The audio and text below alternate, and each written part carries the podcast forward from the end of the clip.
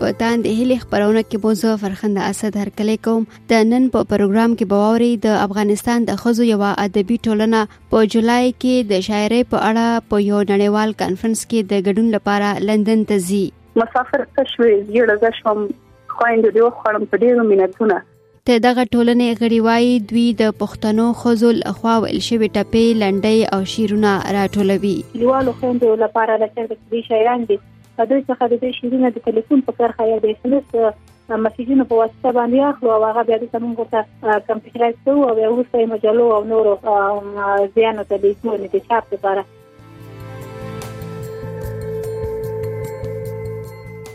د افغانستان د خزو یوه ټولنه په دغه هیواد کې د خزو لخوا شوی شاعري راټولوي او بیا یې لیکي دغه ټولنه وایي خزې په دغه شاعرۍ کې د خپل ژوند کیسې لیکي دوی خپل مینه خپل نفرت د خپل زړه حال او په دوی روان د ټولنې زور زیاتې په شیرونو ټپو او لنډیو کې بیانوي او باید دغه ثبت شي د دغه ټولنې جوړونکي به په لومړي ځل لندن ته ځي او هلته به د شاعرۍ په نړیوالې میله کې ګډون کوي د میرمن بهیر په نوم د دغه ټولنې سره نه یوازې د کابل بلکې د افغانستان د یو شمېر برخو ښځې ملګري دي چې پکې اکثره په حکومتي او غیر سرکاري ادارو کې هم کار کوي په کابل کې د دغه ټولنې یو غړې نعیمه غنی چې خپل هم شاعري کوي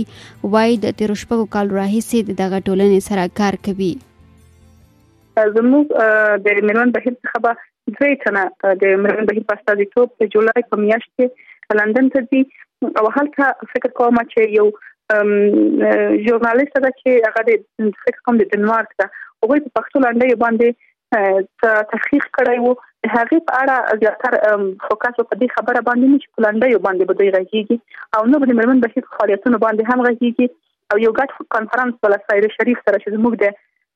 دغه حیات یا د پلاوی مشري هغه کوي هغه سره په ګډ ناسته لري او په دلانډي په اړه به دوی له خلکو سره خپل معلومات شریکوي او سره غږیږي د دغه ټولنې یو بل غړي د غزنی سره تعلق لرونکي پاکیزه ارزو ده پاکیزه نصر لیکي د مختلفو لیکنو چې په نورو ژبو کې دي پښتو ته ژباړي د دغه ټولنې د جوړښت په اړه وایي دا ټولنه شپږ کاله وړاندې د خزینه شاعرانو او لیکوالانو د ادبي پرمختګونو او د نورو خزینه او پوری په تړاو نورو ټولنیزو کارونو لپاره به د دې بنسټ کې خودل شو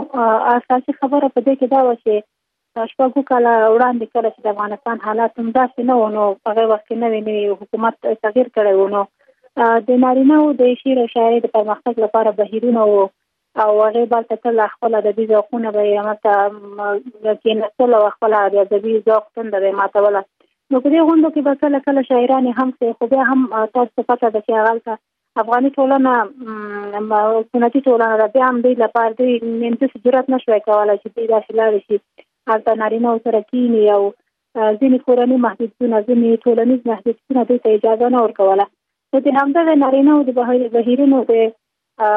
په کتو سره څو خويندې راټول شوې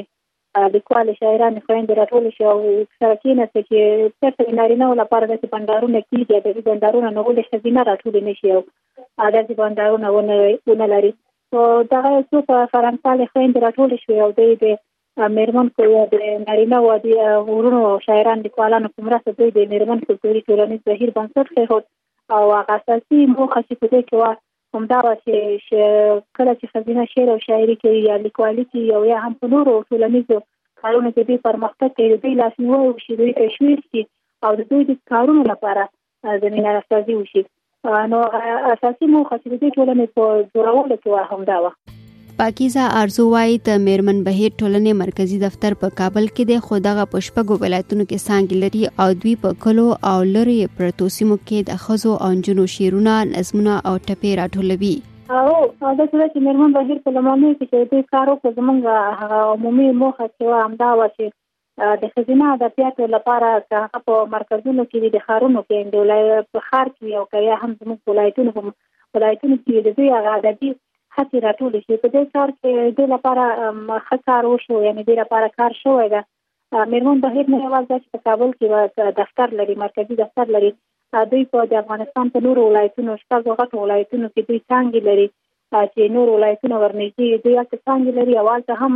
عین د میرمن بهیر په شان چې دوی هم په ولایتونو کې غونډې کوي او هلته د خزینه او کوم شاعره چې تر مرکزه پورې په دې حالاتو کې تر مونږ پورې نشي رارسېدی دوی هلته دا مسایل چیري او بحث یې کوي او راټولوي په دې برخه کې د میرمنو په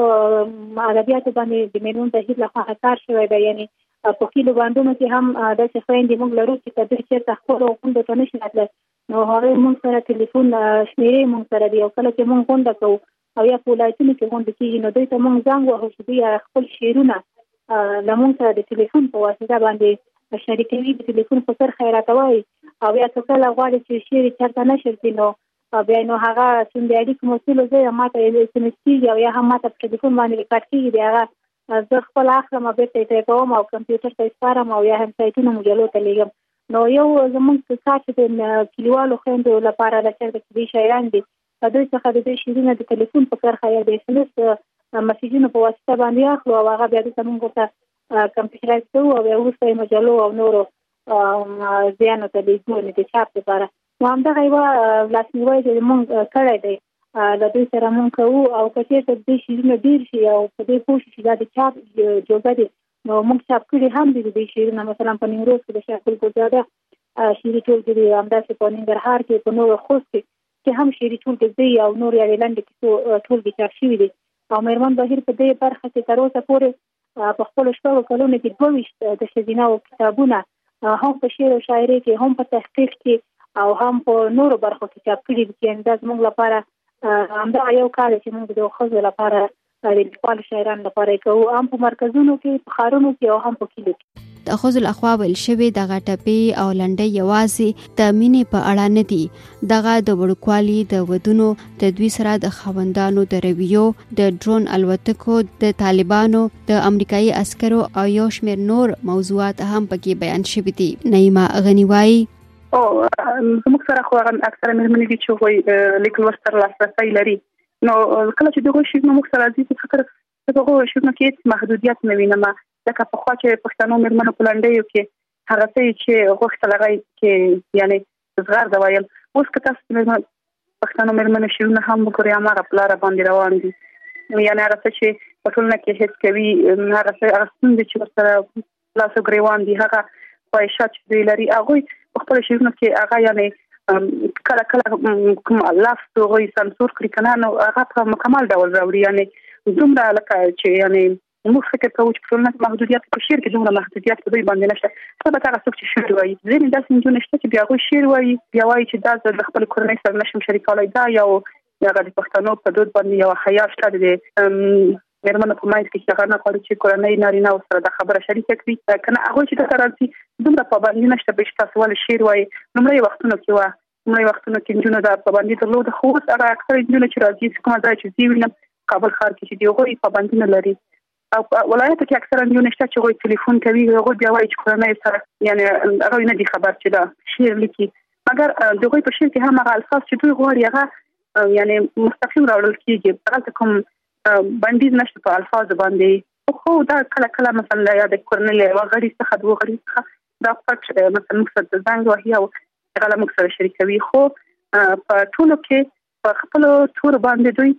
کوم پابندي یا بندیز نه لګوي نعیمه غنی چې د میرمن بهیر وپاڼې مجلي او فیسبوک ذمہواری تر سره کوي د وردک سره تعلق لري وای اوس د شاعرۍ انداز ته نوې رنگ ورکړل شوی او دوی پکې د هارې مسلې په اړه د خپل زړه حال بیانوي او اکثرا چاپی هغه کتاب چې مخکې ویل د خزو د زړه حال دی او چاپی عموما داسې دي چې هغه یو شاعر یا لیکوال وناس یا غبي لیکلي یا به ثبت کړی وي هغه چاپه د لیکل کېږي چې او مرمن زړه کې یو خبر راکاو شوې ده اکثر مې مکتب پښتنې مېرمنې وګړه جارو سره یا هم له ډوډۍ پخولو سره هغوی ټپې وایي او د لماغې ځای نه دوی کنه نوې ټپې هم کېږي د دوی ژبې ته راځي او مخه وایي او دا یو خاص استعداد فکر کوم پښتنو مېرمنو کې چې یعنې زرګونو ټپې دي او تر اوسه پر دې وی شاعر هم نه دی معلومه او څه کې دا هم نشي کولای ځکه چې هر مېرمن کولای شي چې تفا ووایي نعیمه غنی وایي اوس هم ډېر خزي او جونې نه غواړي د کورنۍ سړی له شاعرۍ خبر شي نو ځکه بیا ډېر په ګرانه خزي له دوی سره رابطه کوي دا چې د مېرمن بهیر ټولنې غړي څنګه او زیر اغونډيږي په اړه یې نعیمه غنی وایي او موږ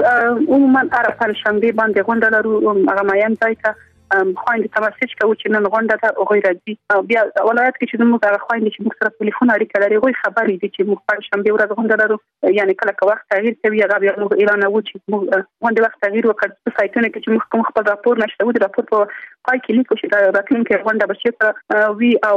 موضوع به څه شي وي عموما په غونډه کې درې برخې لري لومړی دا چې موږ خپل کارونه باندې راځي چې موږ څه کړی دي راتلونکي کې څه باید وکړو د یو نه لپاره یا هم د میاشتې د کال لپاره هر پلان چې په دې باندې خبرې کوو او دا هم برخه کې موږ په شعر یا په یو لیکنه باندې د مرمنو کرکټنه لرو هغه چې دلته حاضر وي او یا هم ټلیفوني محتوی لوي هغه په دې اثر باندې کرکټنه کیږي خپل نظرونه ورسره شریک کوي ورته چې یعنی د نظر خواندان یا هم فکر کوي چې کومه ستونزه په شعر یا لیکنه کې شته هغه ورسره شریکو او درې وخت بیا مشاعره وسیږي چې هغه څوک چې غواړي چې مثلا چې نوې چې لیکلي موږ هغه او او په ګډه سره د مشاعره کیږي او بیا هم دغه دوی برخه مو غونډې اصلي یعنی اجندا وي نعیمه غنی وای پښتنو میرمنو د خپل حال په ټپه کې په یو دوه مصرو کې بیان کړی دی او دوی هم دا کوشش کوي د غاټولې ولي کې چاپ یې کړي او نړۍ ته خپل پیغام هم په دغه دوه مصرو کې بیان کړي او دا تاسو چې ول چې څنګه په دوه ټکو کې کولای شي چې خپل یو نه درد احساس کړي دن د سختشته چې که تاسو وګورئ یا رښتیا هم هغه د یو خدي د یو ژوند یو ډیر لوی انځور په وړه ټپه کې مرسته وی چې رښتیا هم سړی ته ډیر عجیب ښکاره شي زه به څو بیلګې د سوای ملکه چې وای زما ریباره پیمان خوره ایمان د خوار کړ دی یوې لنګۍ لپاره په پښتنو کې مو کې اکثره د دې لپاره چې دوه نفر په منځ کې کنه دی باری کوي هغه نجلې یو هلک ته غواړي کغه ډول هم ووسیږي بیا نو هغه کس چې دا ریباري کړی دغه ته یا یو توفه اخیستل کېږي چې هغه توفه ته لومګي ویل کېږي په دې باندې ما تحقیق هم لیکلی وو نو بیا دوی دلته دغه انجلۍ وایي چې د یوې لومګي لپاره غز ما ټول ژوند برباد کړ او په یو ټپه کې د خپل غدې خبره کوي او یا هم بیا وایي چې زماري بار د ځخی شي په یرو پټ ور دی لږه پر ودی وسومه مطلب دا چې هغه د ټول حالت معلوم دی هغه ریپاس هغه دریم کس چې دوی په منځ کې من کړی څوک کوي او د انجلۍ حالت ته غواړي هغه د ټول حالت معلوم دی مګر بیا هم شي کوي تریباری کوي او دا کیسه یاندې د کراځي او یا هم وایي چې مسافر څه شوي یړه زښم خويندو دې وخوړم په ډیرو مینتونه کله چې یو خاوند مسافر کیږي نو هغه مېرمن چې کور کې دا غي څه ستونزې پیدا کیږي او هغه مېرمن چې کور کې د خواخې د اندرین دی هغه ته وایي چې تاسو ستاسو بلور په خاطر مسافر شوی دی هغه ژوند چې په دې باندې سخت دی هغه په یو ټاپه کې بیانوي او یا هم بیا وایي چې پردیسي پردیسي واوخته تغرونه مخې راوړل چې بیا نه راځم وطن د وطن په شوتو هغه ډیره سخته مجبور شو خځه باندې تیریږي هغه یعنی دا وخت نه لري یا دا اختیار نه لري چې بیرته براشي ورانه شي هغه په یو ټاپه کې هغه ټول هغه ځکه چې څه خبره دغه خپل وطن ته وایي او خپل به وسیه ساروي یا بیا یعنی بیا نشم له سره تلای او له وطن سره خپل کومانی کوي څو چې ورته وایي انکه ورته وایي هغه مې اوریدل چې وایي زما په غم کې نه دی د خپل نس په ډکه کې د دی بابک نه دی لیوه دی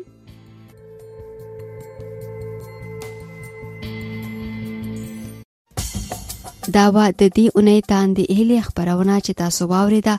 زه فرخنده اسد درنه اجازه غواړم د خدای پامان